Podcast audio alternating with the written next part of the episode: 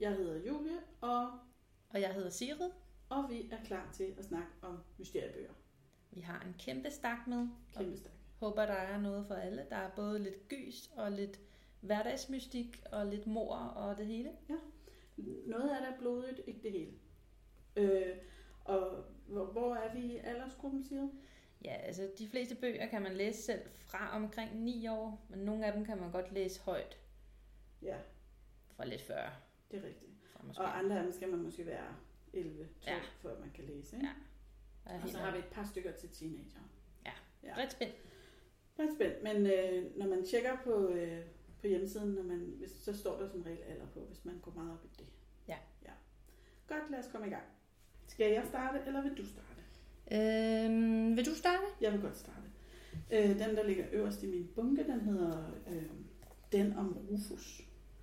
Og øh, den er skrevet af Torbjørn Petersen, Herman Ditte og Morten Schmidt. Jeg tror, at nogle af dem har illustreret, for det er en tegneserie. Eller en billedbog, kan man måske også, men jeg synes, det er en tegneserie. Mm. Den står i billedbøger, så okay. Nå, okay. Nu er alle forvirret. Ja. Øh, fint nok, det er en billedbog, og den handler om øh, reven Rufus, som er sådan en øh, øh, sådan lidt hjemmetype. Han kan godt lide at sidde i sin lænestol med en god kop te. Det kan og, jeg også godt øh, lide. Se noget fjernsyn. Jeg føler den. Der er sådan et billede her på bagsiden af bogen, hvor jeg føler mig utrolig genkendt. Ej ja, også mig. mig. Og sokkerne. Ja, han har fødderne op på, hvad hedder sådan en puffen Ja. i, i lænestolen med te og en... Ja, det ser ja. godt ud. Og øh, så kommer der sådan en efterårsstorm. Og det er som om, at der er noget øh, uforudset og farligt på vej. Mm-hmm. med stormen. Og det, øh, det ender med at bringe Rufus ud af den her lænestol og ud i verden. Nå for den. Ja. Altså, øh, han bliver lidt vild. Nå, Lidt vildere rev end, øh, end før. Jeg synes, den er utrolig flot illustreret. Sådan Ja. tilsvarende vildt. nu sidder Julie og viser mig nogle af siderne, og den er rigtig flot. Ja. Og Meget den, stemningsfuld. altså, man kan godt læse den højt faktisk fra sådan 5-6 år, tror jeg. Ja. Og så kan man så, hvis man er 9-10 år, læse den selv, Mm. som om det var en tegneserie, men det er en billedbog. Forvirrende. Men rigtig god. Spændende. Sjov. Ja. Skal jeg tage en til, eller vil du? Jamen, jeg har, øhm, jeg har en, man selv kan læse fra 9 år. Den hedder Hundehypnosen. Ja. Som handler om øh, Sally, der bor på en kostskole. Det er Kirsten Sonne Harille. Jo. Ja. Og hun holder sig for sig selv. Øh, og der er en yngre elev, som gerne vil være venner med hende, men hun synes, han er sådan lidt, lidt, lidt irriterende. Det er lidt, og han er også lidt pinligt, fordi han er yngre end hende og sådan, ikke? Ja. Øh, og så en dag, så starter der en meget mystisk elev på skolen, som opfører sig meget anderledes end de andre, har en masse underlige ting inde på sit værelse. Øh, og så har han måske også nogle særlige evner, øh, og kan måske hjælpe Sally med at få sit største ønske opfyldt, som er at få en hund. Uh. Ja, og den er, øh, den er sådan ret hyggelig, stille og rolig, men også øh, lidt mystisk. Jeg har også læst den faktisk, og Ja. det er jo en serie. Hvad er Er det? der fem eller seks nu om den der kostskole og de øh, børn, der det- der? Det kan jeg så ikke lige svare på Nej. på stående. Men Der der, er er i hvert fald- flere bind. Der er nogle forskellige mysterier i hver Ja. bind, ikke? Det er der. Den er ret god. Ja, den er god. Ja. Meget anbefalesværdig. Yes. Øhm, ja, hvad har jeg så? Så har jeg denne her, øh, der hedder Bertram og Buller, Ballade ombord af Lotte Nybo. Den er ny, ikke? Den er helt ny, Ja. og øh, Lotte har både skrevet og illustreret. Mm. Og det er sådan en, øh, altså der er nogle fuldtid, heltids illustrationer i, og så er der nogle sider, hvor der bare er tekst, og så er der andre steder, hvor der er sådan nogle tegneseriesekvenser. Øh, og jeg tror, den ville være rigtig sjov at læse højt for sådan 7-8 år eller sådan noget. Og så kan man også læse den selv fra en 10-11 år måske. Den handler om øh, tvillingerne, Bertram og Buller, som øh, holder i en bil og skal ombord på Bornholmerfærgen nede i Køge Mm. sammen med deres mor. Øh, men deres mor er højgravid og skal føde lige om lidt, og så går hun i fødsel, Nå, mens de holder der. ja. Så træffer hun, øh, hvad jeg synes er en lidt vild beslutning om at forlade bilen og løbe ud for at finde og komme på hospitalet Nå, for at føde det her barn. Og så skal drengene vente i bilen til deres far kommer og henter dem. Men de går jo lidt i panik, fordi der kommer sådan en færgemand, og øh, du ved godt, de der færgemænd, der vinker folk ombord, Ja, og færger, de er meget bestemte. ja. Det skal de nok være. Ja, ja, ja. Så øh, drengene, de kommer til at køre bilen ombord på færgen selv. Åh oh, nej. Og så øh, kører det selvfølgelig galt inde på færgen. Ja. Og, og øh, så er der også noget med en juveltyv, der er havet i Køge, som øh, måske er ombord på færgen. Nå, Ja, den lyder god. den er rigtig sjov. Den er både sjov og spændende, så. Ja, og så ja. Er der sådan øh, meget action. Altså, Ja. der er jo seks eller syv dæk på den her færge, og de kommer øh, hele vejen rundt, vil jeg sige. Ja, fedt. Øhm, og så er den meget detaljeret. Øh, altså, jeg ved, at Lotte har været ombord på færgen og blevet vist rundt Ah. øh, i alle dele af færgen, ikke? og det kan man tydeligt se i tegningerne, at altså, hun ved, hvordan sådan en kommandobro den ser ud. Ja, Og, øhm, det kan vi godt lide. Det er grundig research. ja, det er det absolut. Den er virkelig sjov. Så, altså de der, der godt kan lide sådan noget, øhm, de der gamle Bjarne Reuter-bøger med kidnapning og guld og alt det der. Ja, Eller hvis man godt kan lide Iqbal Farouk, Ja. eller Karma Boy, eller sådan Ja. noget lidt humor action, ja. så skal man læse den. Og hvem kan ikke de? Ja. Spørger bare. Og så er hele mysteriedelen, det er jo det med den der juveltyv. Ja, Og hvem er det? Den lyder god. Ja. Jeg har en illustreret mere, Ja. som faktisk er en tegneserie. Og øh, den er nok for de lidt større børn. Den, den er- handler om Sherlock Holmes, Mm. og den hedder I hovedet på Sherlock Holmes. Den er flot. Den skandaløse billet. Og øh, ja, den er virkelig flot. Der er Ja. sådan en øh, udskæring på forsiden med, hvad skal man sige, Sherlock Holmes i profil. Ja, Og øh, så er det og pipen. utrolig flot illustreret tegneserie. Ja. med et helt klassisk uh, Sherlock Holmes mysterie.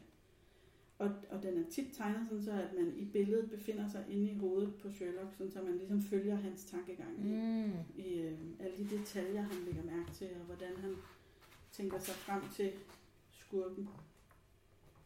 Ja, den er rigtig god, men der skal man være lidt ældre, tror jeg, sådan 11-12 år Ja. og opad, ikke? Øhm, jeg ved ikke, jeg skal, det, giver det mening, at jeg så fortæller om den Sherlock-bog, jeg har læst? Ja, det synes jeg. Øh, selvom vi så hopper lidt i det aldersmæssigt, fordi jeg har jo læst øhm, Baskervilles hund, Mm. øhm, som er øh, Gads lette klassikere i den øh, lidt læselige bearbejdede udgave. Fra 12 år kan man læse den. De er også ret nye, ikke? Jo, det er de. Øhm, og jeg kan huske dem fra, da jeg var barn, de der øh, Sherlock Holmes. Jeg havde, jeg havde faktisk Baskervilles hund på lydbånd. Det havde jeg også. Ja, så jeg tænkte, ej, det kunne også være lidt sjovt lige at læse. Og jeg synes, altså, jeg synes stadigvæk, den holder. Jeg, jeg synes, den var rigtig spændende at læse. Øhm, og den handler jo om ham her, Sir Henry Baskerville, som er den sidste arving i familien. Han øh, flytter ind, efter sin onkels død, flytter ind på sådan et, et slot, der ligger på en hede, Ja. hvor der er en myte om en hund, der øh, altså ligesom en spøgelseshund, der sniger sig rundt på heden og dræber øh, den her Baskerville slægt. Mm-hmm. På grund af en forfars forbrydelser, så er der ligesom sådan en form for, øh, ja hvad hedder sådan noget, når der er sådan en øh, forbandelse, ligesom, der hviler over den slægt, så de bliver slået ihjel af den hund der, ikke? Jo. Øh, men altså, Sherlock, han, han er jo ikke rigtig til falds for sådan nogle myter. Så han øh, sætter sig selvfølgelig for at opklare det. Og hans øh, gode ven, ven øh, Watson flytter ind på slottet sammen med Sir Henry. Og, øh, og så skal det jo vise sig, om han kan opklare det. Ja. Og øh, jeg, jeg synes, det holder, selvom den er så gammel. Og det, sådan noget, det imponerer altid mig. Jeg kan godt lide gamle ting. Øh, så øh, ja, jeg var fan. Det var godt. Ja. ja, der findes jo rigtig mange sådan nogle øh, klassiske krimi-historier. Ikke? Der er også Kalle Blomqvist og de fem bøgerne. Dem har vi ikke taget med i dag. Dem kan folk godt finde ud af at finde. Ikke? Ja, det tror jeg også. Man Så kan det godt huske man, dem. Hvis man allerede har læst dem, og, hvad, og man gerne vil have noget nyt Ja. krimi. Ikke? Så har vi flere ting med. Ja. Jeg har faktisk en tegneserie mere på min liste, der hedder, den hedder Magiline. Øh, og forfatteren er, jeg tror det er noget fransk, den hedder Douye, D-O-U-Y-E. Ja. Det handler om sådan en pige, der starter på en øh, helt klassisk øh, magisk skole, hvor øh, hun skal, øh, hvis man, øh, hvad skal man sige, ligesom vinder, eller der er flere, der starter her, og hvis man er den bedste, så kan man blive sådan en assistent for ham der magikeren, der har den. Og øh, ja, så sker der naturligvis alle mulige mærkelige, mystiske øh, hændelser. Der er nogle børn, der forsvinder, der er nogen, der bliver forvandlet til sten, der er nogle feer, der er sådan er zombieagtige, men også lidt frosne udenfor, og der er øh, sådan en magisk skov lige i nærheden naturligvis, hvor de leder efter nogle enhjørninger og sådan noget. Okay, ja. Ja. Det jeg synes jeg også var ret cool. Ja, Øhm, og det lægger bestemt op til, at der kommer flere ja. i serien. Og hvad er det fra? Ja, 10-11 år også. ikke? Hvis man godt kan lide en tegneserie Mm. med mystik. Ja. Jeg har, jeg har også en god tegneserie med mystik med. Øh, den er også ny. Den hedder Krypto. Ned i Ja. dybet. Den er så flot. Den er simpelthen så fin. Der er sådan Øh, en, øh, en, en, øh, meget mørk forside, hvor at havet er sådan helt sort, og så er der nogle store lysende øjne nede i havet. De ligner lidt øh, sådan nogle drageøjne Ja. næsten, ikke? Det gør de. Og så er der en lille rød båd ovenpå med en, en gammel fisker og hovedpersonen. Ja. Som øh, har sådan noget øh, turkis hår, Ja, der også matcher til øh, himlens farve. Ja, og så stikker der en hale op, som ligesom snor sig hen over båden. Ja. Øhm, Så der foregår et eller andet nede i, Ja. i det hav.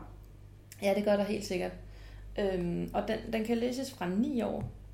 Den er, jeg, jeg kan rigtig godt lide tegningerne. Man, man, man kan se på forsiden, hvad man får. Ja. Øhm, så hvis man kan lide forsiden, så vil man kunne lide den. Og det er faktisk et af mine store problemer med tegneserier. Det er tit, at de har nogle vildt flotte forsider, men så indeni, der bliver det sådan lidt, lidt mindre flot Mm. nogle gange. Ikke?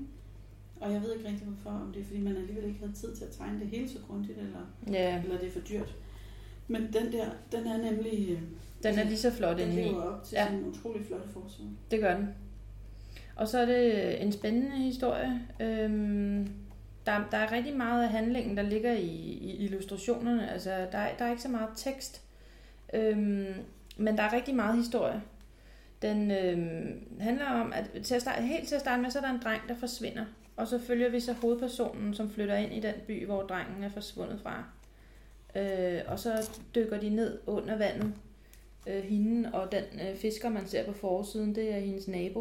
Og hun flytter jo ind som plejebarn. Ja, det gør hun. plejefamilie. Og får sådan en øh, umiddelbart ret træls storesøster. Øhm, Ja. men øh, det viser sig, at hun er, hun er vist god nok, hende der storesøsteren i den sidste ende Hun er alligevel. bare meget teenager. Hun er bare meget teenager med tykke gummi og mobiltelefon. Øhm, men det viser sig jo selvfølgelig, at der er noget dernede i dybet. Øh, og hvad det er, vil jeg ikke afsløre her. Øhm, og så ligger den i høj grad op til en tor, som jeg vil glæde mig til at læse. Da jeg synes, den var rigtig god. Rigtig spændende. Super. Ja, øh, det kan være, at vi bare skal tage sådan en helt klassisk øh, krimi-roman spænding her. Og det, ja, den er så faktisk også lidt en blanding af almindelig roman og tegneserie. Den hedder I Rosens Midte, og er skrevet af Martin Hvidmark, som jo faktisk har skrevet mange krimibøger. Det er også ham, der har hele den der serie med biografmysteriet og svømmehalsmysteriet, og for de lidt yngre også, ikke? Øh, men det her, den er fra cirka ja, 10-11 år også, og handler om øh, Stefan, som bor hjemme sammen med sin far.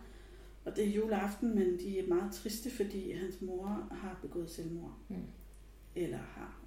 Mm. Fordi Stefan finder et af morens breve, hvor hun lyder ret bange. Og nederst i brevet, der er sådan en tegning af en rose, og midt inde i den kan han se nogle bitte, bitte små bogstaver, som han så øh, får... Øh, altså han kan finde ud af at læse, hvad det er, der står, ikke?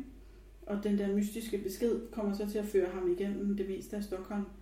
Øh, og det går op for ham, at øh, der var nogen, der var efter hans mor, Mm. inden hun døde. Øh, ja, så han vil gerne finde ud af, hvad der egentlig er sket. Og den er øh, altså lidt uhyggelig, men ikke mega uhyggelig. Men alligevel lidt. Ja. Og meget, meget flotte illustrationer. Også. Den lyder spændende. Ja. Den får mig til at tænke på Amari, Ja. øh, som jeg har læst, øh, som også kan læses fra 11 år. Øh, der er det hendes storebror, der er forsvundet. Mm. Og der går handlingen også ud på, at hun forsøger at finde, altså finde ud af, hvor han er forsvundet hen, og hun er sikker på, at han ikke er død. Øhm, Og, øh, og det er en fantasy. Altså der, der er det en parallel verden. Ja. Øhm, hun kommer på sådan en skole, hvor hun skal altså, øhm, lære... Øhm, altså, Det er fordi, hun har nogle magiske kræfter også. Ikke? Ja, men, men, øh, men egentlig er det ikke, altså egentlig er det lidt usædvanligt, at hun har det. Ja. Øh, det er egentlig mere sådan en hemmelig verden, som de fleste mennesker ikke kender til, men som så nogle få udvalgte får indsigt i. Øh, og som, hvor det, der så er brug for nogen, der ved en hel masse om den her parallelverden. Der er brug for nogen, der kan sørge for, at der er fred og, og, og orden på tingene. Øh, men egentlig er det ikke som sådan, fordi det er magisk. Det er, det, der er nogle magiske væsener, men dem, der er, der kender til den, er ikke alle sammen magiske. Øhm, og egentlig er de bange for dem, der kan magi, fordi der er nogle farlige øh, magikere på spil. Okay. Og, og det betyder, at hun bliver egentlig øh, udskældt for at kunne magi. Okay. Ja, øhm, og, øh, og hun har hele sit, i hele sit liv har hun været set ned på, fordi hun kommer fra et fattigt kvarter, og øh, de har ikke ret mange penge. Der er en enlig mor om at forsørge hende og storebroren, og selvom hun arbejder rigtig meget, så, øh, så har de bare ikke ret mange penge.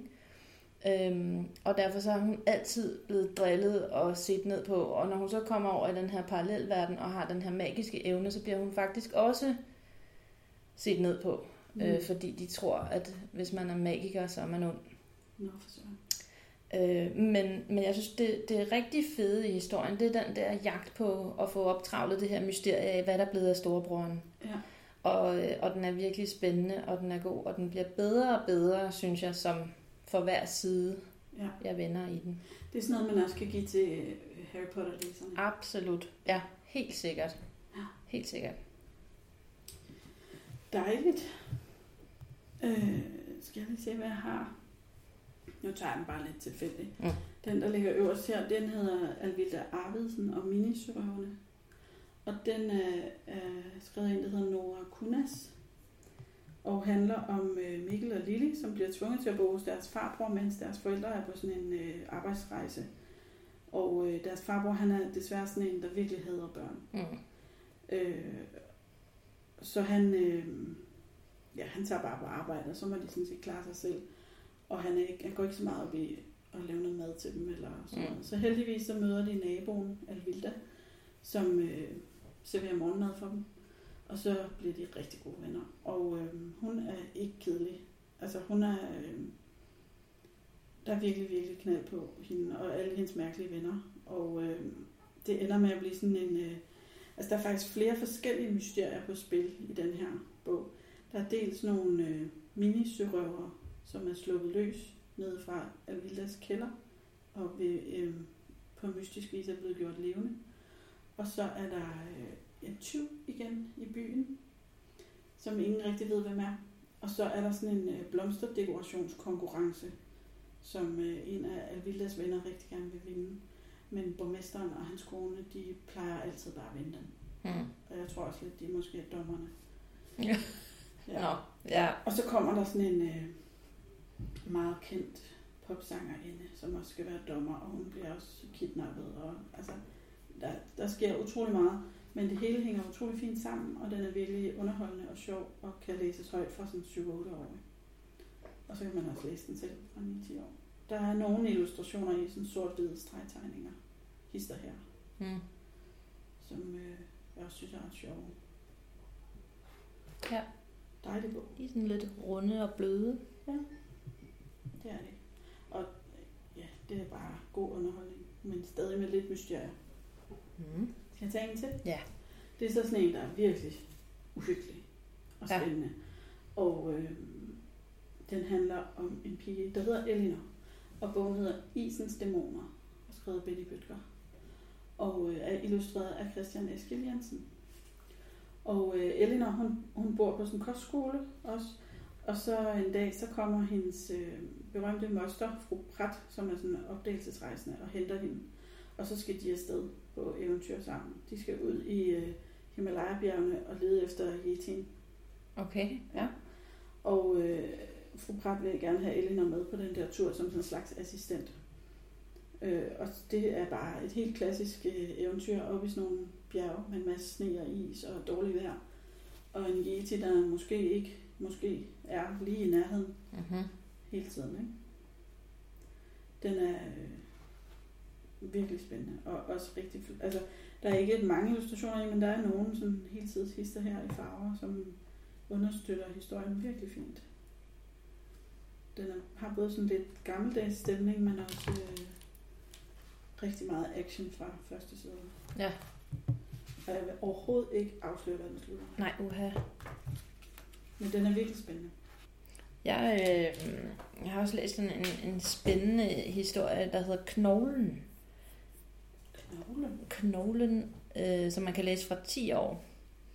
Øh, der er det sådan en sommerferie, hvor at Molly, hovedpersonen, skal med sin bror og deres far på en højskole. Mm. Mm. Og øh, Molly gider egentlig ikke, men hendes bror Mikkel glæder sig, fordi han vil rigtig gerne deltage i et kursus med en berømt DNA-forsker. Øh, fordi det synes han er vildt spændende, og så kommer hans store idol så og skal undervise. Men forskeren mener ikke, at børn må være med, så de får faktisk slet ikke lov øh, til at være med på det der kursus. Men så finder de så en knogle, øhm, og så tænker de, okay, så er det en vej ind på kurset, fordi ham DNA-forskeren synes selvfølgelig, det er vildt spændende, og så hvis de viser den til ham, så får de lov at være med. Men så tager han den bare fra dem. Ej, Jo, øh, og han virker sådan super skummel, og det er meget mystisk alt sammen. Øh, så der er det, det her mysterie med, hvad det, hvad det er for en knogle, de har fundet, og så også, hvad ham der, den skumle forsker er for en, en øh, uhyggelig type. Men, men noget, der også fungerer rigtig godt, det er, at parallelt med det her øh, højskoleophold, så, så er der nogle tilbageblik fra øh, morens sygdomsforløb mm. og moren er lige død.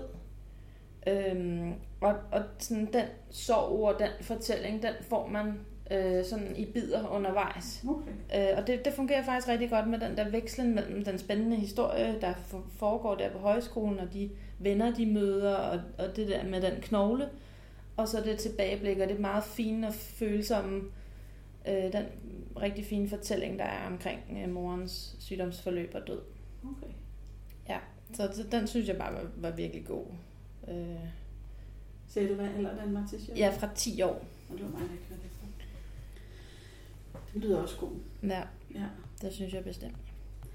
Apropos øh, sorg og sådan noget, og mys- mystik, så har jeg taget den her med, der hedder Dukkemageren af Thorstein Thomsen. Og øh, den handler om øh, en pige, der hedder Sonja, og hendes lille søster, som har øh, øh, fødselsdag, eller i hvert fald så skal hun have gaver, jeg tror hun har fødselsdag. Og så kommer der sådan en ukrainsk dukkemager på besøg og forærer lille søsteren en øh, magisk dukke. Og øh, den er altså ret uhyggelig, den her dukke. Og da, øh, da lille søsteren sover med den, så bliver hun meget syg. Og øh, der er ikke rigtig nogen, der ved hvorfor eller hvordan. Mm. Øh, og Sonjas far, han, er, han har været forsvundet længe. Så, øh, og nu har hun virkelig brug for, at han kommer tilbage, fordi de skal jo have gjort lille søsteren rask igen på en eller anden måde.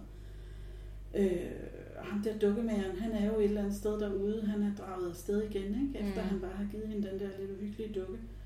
Og så, øh, så drager Sonja afsted ud i verden for at finde ham. Øh, og det, bogen handler så om hendes rejse, og den er sådan øh, virkelig sådan eventyrlig på sådan en gammeldags måde, men også ret mystisk. Og, øh, og hun bliver venner med en, en ravn og en rev på sin rejse, og jeg vil heller ikke afsløre, hvad den ender med. Men den er utrolig velskrevet og meget spændende. Og hvad, hvad skal man være? Det er sådan 11-12 år, tror jeg, for man kan læse den selv. Måske kan man godt få den læst højt som 8-9-årig. Hvis der er nogle forældre, der er klar til at, at kramme. Ja, Og hvis øh, man og selv fjerner- kan tåle det, havde jeg nær sagt. alle dukker fra værelset, ja. inden man læser den højt. Ja, Ja, ja. ja. Ej, den, er, den kunne jeg virkelig godt lide. Og der er jo også det der, altså sorgen over den, den syge søster, Ja. ja. og fortvivlelsen over, at faren har været væk så længe, Ja. ja. hvor han ender. Hvorfor er han der ikke, når man har brug for ham? Ja. Men det kan godt fungere godt med de der sårbare elementer ind i en, en spændende historie, fordi ja, så, så er der på en måde sådan lidt en vekslen også i, i de følelser, man sidder med, så det hele ikke er sådan Det er rigtigt. en lang elendighed. Ja. Øhm, skal jeg fortælle om William Winton? Det var en god idé. Jeg har læst William Winton og Luridiumstyven. Øhm, den kan læses højt fra 8 år og læses selv fra 10 år. Øh, det er virkelig, altså det var virkelig sådan en, der var action, der var mystik, der var spænding. Jeg øh, vendte den ene side, før jeg havde fået pusten fra den forrige. Ja. Øhm, det er William, der bor i Norge sammen med sine forældre. Hans morfar er forsvundet for 8 år siden under mystiske omstændigheder. Mm-hmm. Øh, og de bor sådan under et øh, dæknavn. Øh, så der er ligesom noget, der er lidt mystisk lige fra starten. Øh, og øh, William, han, han gør sig lidt uheldigt bemærket i skolen, fordi han er meget klogere end læreren. Nej. Ja, det er aldrig godt, vel? Og så, så er han en rigtig god øh, kodebryder. Men det vil hans forældre ikke have, at nogen skal vide. Så altså, det er sådan meget hemmelighedsfuldt alt sammen. Men, men han interesserer sig meget for det her. Og så er der en, øh, en udstilling, hvor at verdens sværeste kode, umuligheden, den sådan rejser rundt, og så kan man komme og prøve at, at bryde den kode. Mm-hmm. Og det vil han selvfølgelig helt vildt gerne, og han så får på en eller anden måde snedet sig hen øh, til det, og får så prøvet den der kode, og knækker den så. Selvfølgelig. Og da han gør det, så må man sige, så er hemmeligheden om hans evner jo ude. Ja. Og så øh, tager et hæsblæsende eventyr fart, fordi han kommer så øh, ind igen i sådan en, en lidt parallel verden, hvor der er nogen, der arbejder med de her ting. Øh, og, øh, og det viser sig, at der er en, en verden fuld af, af teknologi. Mm. Øh, ja, det er sådan, den er fantasifuld på en lidt anden måde. Det er, sådan, det er mere, meget, meget veludviklet teknologi, end det egentlig er magi. Okay. Øh, men der er sådan talende døre, og øh, de kan så bygge forskellige vilde ting, øh, robotter og sådan noget. Øh, og og den, er, den er rigtig spændende. Øh, og også god, hvis man kan lide Harry Potter. Ja. Det minder mig også lidt om de der Artemis Fowl. Ja, Ja. meget, altså han er også sådan et, et talgeni, ikke? Jo. Øh, det, de minder om hinanden, ja. Så hvis man kan lide den, så vil man helt sikkert også kunne lide William Winton. Og William Winton, det er også en serie, der Ja. er i hvert fald fem, ikke? Og igen, sådan noget med... det tror jeg, fordi ja. det står hjemme på min reol. Jeg har bare ikke læst dem alle sammen. Ja, men, men ja, det er en serie. Ja. Så hvis man bliver bidt af den, så er der læsestof til et stykke tid. Men jeg advarer, man, øh, man bliver bidt, og man kan godt øh, læse dem hurtigt, når man bliver fanget. De er ikke, de er ikke mega tykke, Nej, nej. så det er jo også meget rart for nogen. Ja. ja. En anden serie, som jeg har taget med, øh, det er sådan en, øh, en dansk serie, der hedder Detektivbyrå nummer 2. Og øh, de kan læses, øh, altså de er rimelig lette at læse, og de kan læses i vilkårlig rækkefølge. Så det er ikke noget med, at man skal have fat i etteren eller sådan noget. Og øh, de kan læses højt fra 6 år og læses selv fra cirka 8, ikke afhængig af, hvor dygtig man er. Og lige de to, jeg har her, der øh, den ene hedder Operation Sørøver, og den anden hedder Operation Sort Skov. De hedder altid sådan noget Operation et eller andet. Mm. Og det er Jørgen Lier Horst, der har skrevet dem.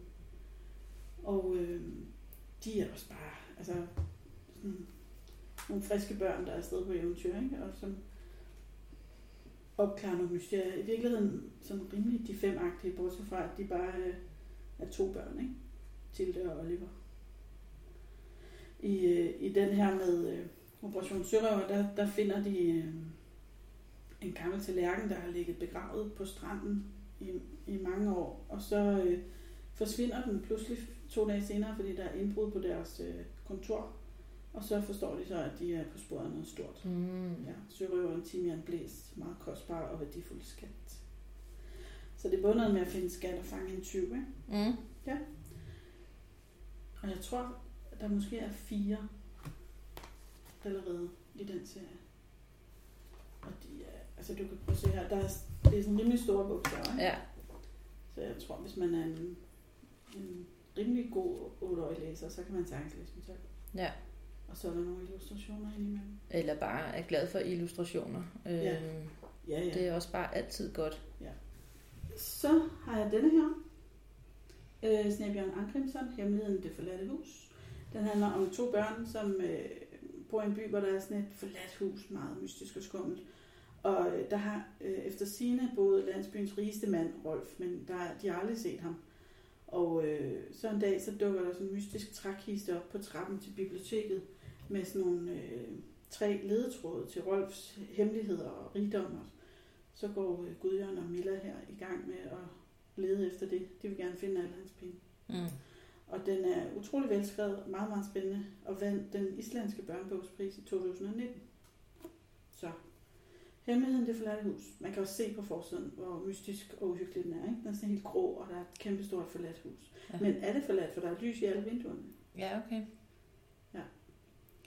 Jeg tror måske, at øh, hvis vi havde spurgt Justice, så ville hun også beskrive øh, Highbury House, den kostskole, hun skal flytte ind på, nogenlunde som, som det der hus, øh, du lige har vist på forsiden. Ja. Fordi det bliver også beskrevet som super skummelt og mørkt og dystert og uhyggeligt.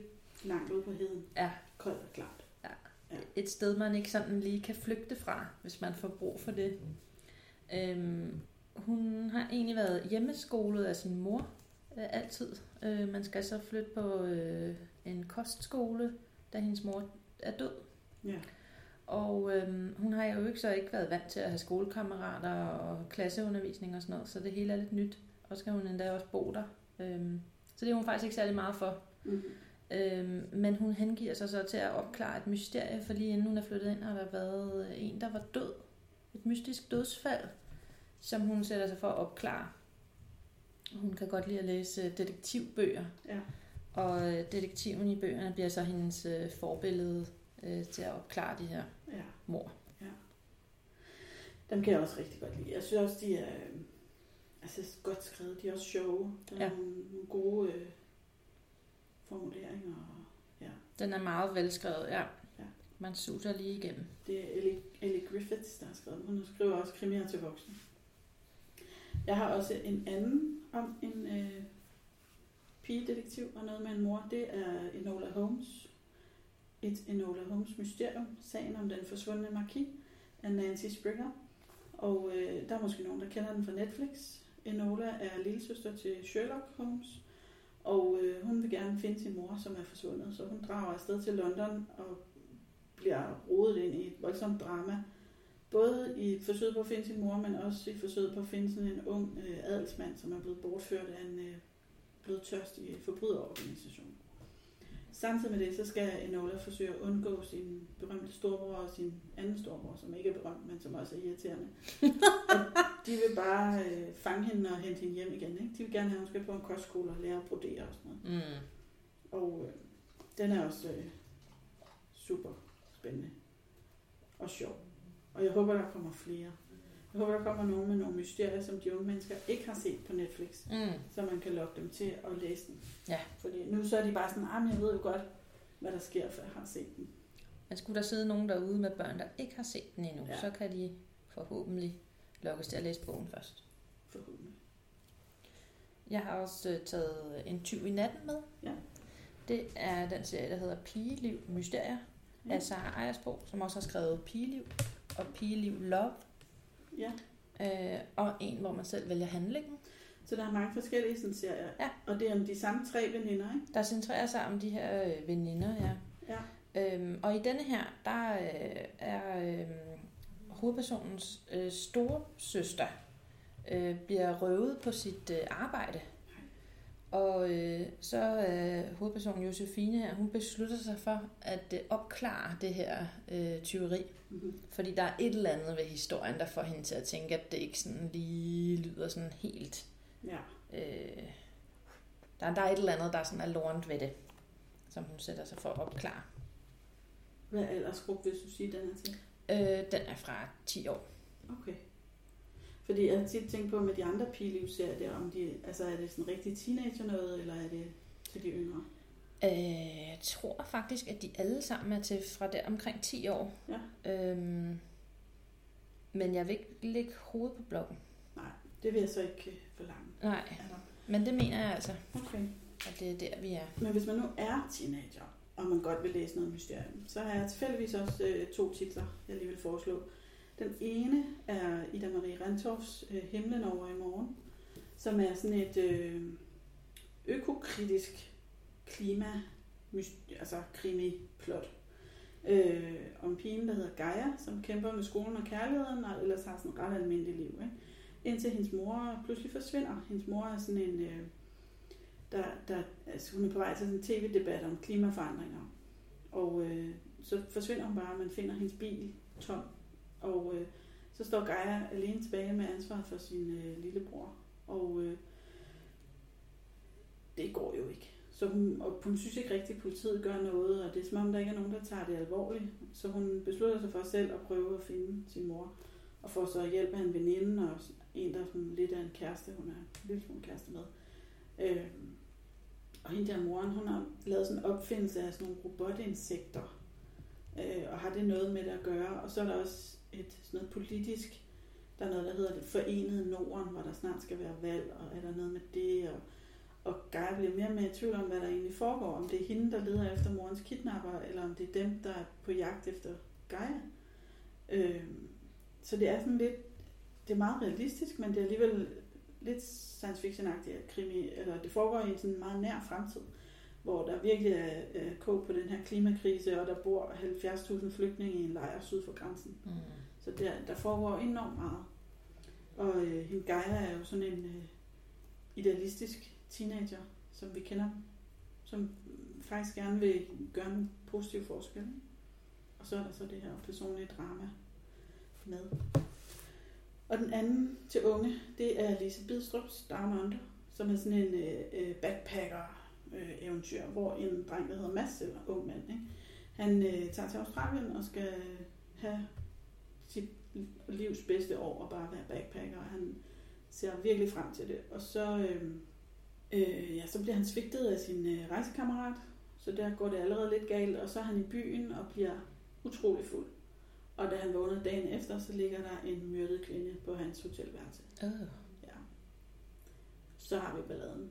Så det er øh, rimelig sådan øh, typisk krimi-problem, ikke? at der pludselig ligger nogen, som er død. Mm. Er det mig, der har gjort det? Er det nogen andre, der har gjort det? Hvordan løser man det? Og han er så købet alene i et fremmed land. Ikke? Mm. Den kan jeg også godt anbefale. Har du øh, mere, Sigrid? Jeg har lige en sidste, øh, som er både øh, mysterie og, og gys okay. i, i et. Den er ikke, ikke så tyk, øh, men jeg skal love for, at vi får smæk for skillingen. Den hedder Dæmonernes Spil, og den kan læses fra 11 år. Øh, det starter med, at det er en dreng, der hedder Mads, der er hjemme hos sin moster, fordi øh, moren har fået en depression, efter hans far er forsvundet og sådan. Det, det, det bliver der ikke gjort så meget ud af, men han er hjemme hos mosteren, og det er lidt træls at være der, fordi han bryder sig ikke rigtig om hverken mosteren eller sin fætter, mm. som er meget forkælet. Øh, men de hænger sådan ud, en vennegruppe, øh, og så en aften, så ser de et mystisk lys fra en slotsruin, og beslutter sig for at tage hen og undersøge det dagen efter. Ja. Og så finder de et øh, spil, et brætspil, som de så begynder at spille. Nej, nej, nej, nej, nej.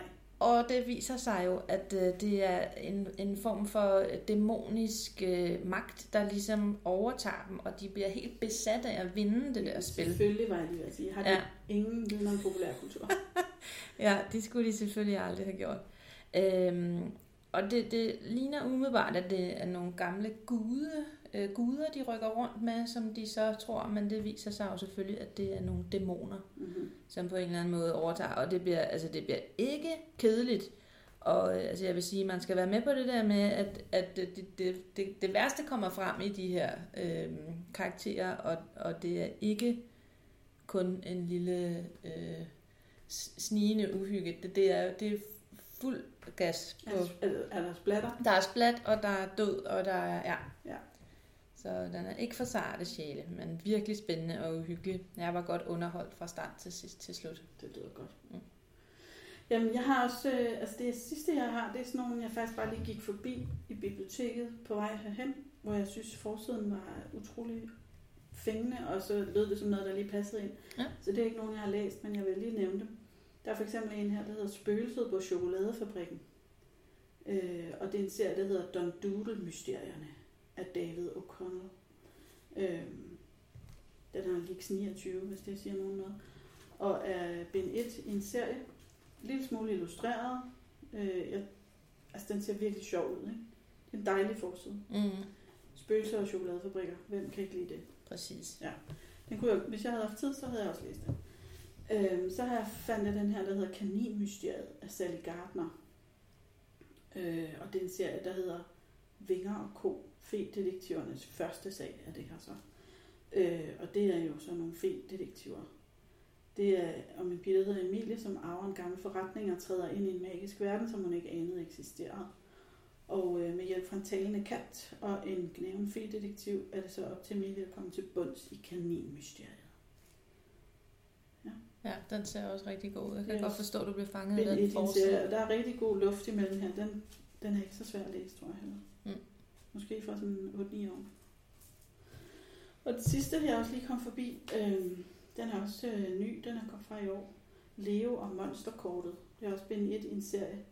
Og handler om Leo, som på sin 9-års fødselsdag åbner en konvolut med sin opgave for de næste to år. Og så stiger der sådan et ord tilbage på ham. Top hemmeligt, står der bare. Øh, og så kan han ikke nå at stille nogen spørgsmål, så bliver han bare fragtet ud til landsbymuren for at møde sin nye chef, vogteren. Og så bliver han vogterens lærling, og der skal han beskytte landsbyen mod de monstre, der lusker rundt i skoven rundt om, om landsbyen, bevæbnet med en øh, slangebøsse til magiske sten og et besynderligt kort. Øh, skal han så ud og kæmpe mod det arige, pansrede gumme, grummehorn.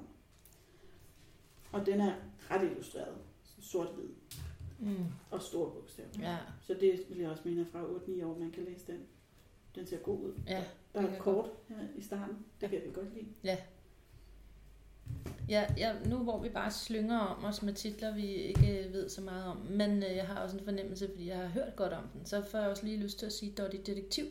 Ja, Den, den, vi har jeg faktisk læst. Den havde jeg bare glemt. Nå, men godt så. Der, og min øh, datter læste den, da hun var 9, Ja. tror jeg, og var rigtig glad for den. Jamen, jeg har hørt flere tale godt om den. Det er bare Dottie, som er sådan en hverdagspige, så får hun nogle små detektivopgaver. Ja, den er hyggelig og sød og ufarlig og bestemt god. Godt, vi også fik den med, så. Jeg kan ikke huske, hvor mange der er i serien. Der er i hvert fald nogle stykker. Vi lægger den ind. Altså som altid, så laver vi jo en artikel på hjemmesiden, hvor vi lægger alle de her titler op, så man bare kan trykke og reservere. Mm. Så øh, hvis man ikke har siddet og skrevet ned, eller kan huske i hovedet, så er der hjælp at hente. Ja. ja. På Københavns Bibliotekers hjemmeside. Og så håber vi, at der er noget for alle jer derude, og god fornøjelse med læsningen. Ja. Ja. Rigtig god fornøjelse. Det er vigtigt, og det er dejligt. Ja. ja. Og vi kommer tilbage snart med en ny podcast. Tak for den Har vi besluttet noget tema? Nej, det har vi ikke. Så det bliver en stor overraskelse for jer. Ja. ja. Tak for nu. Det みたいな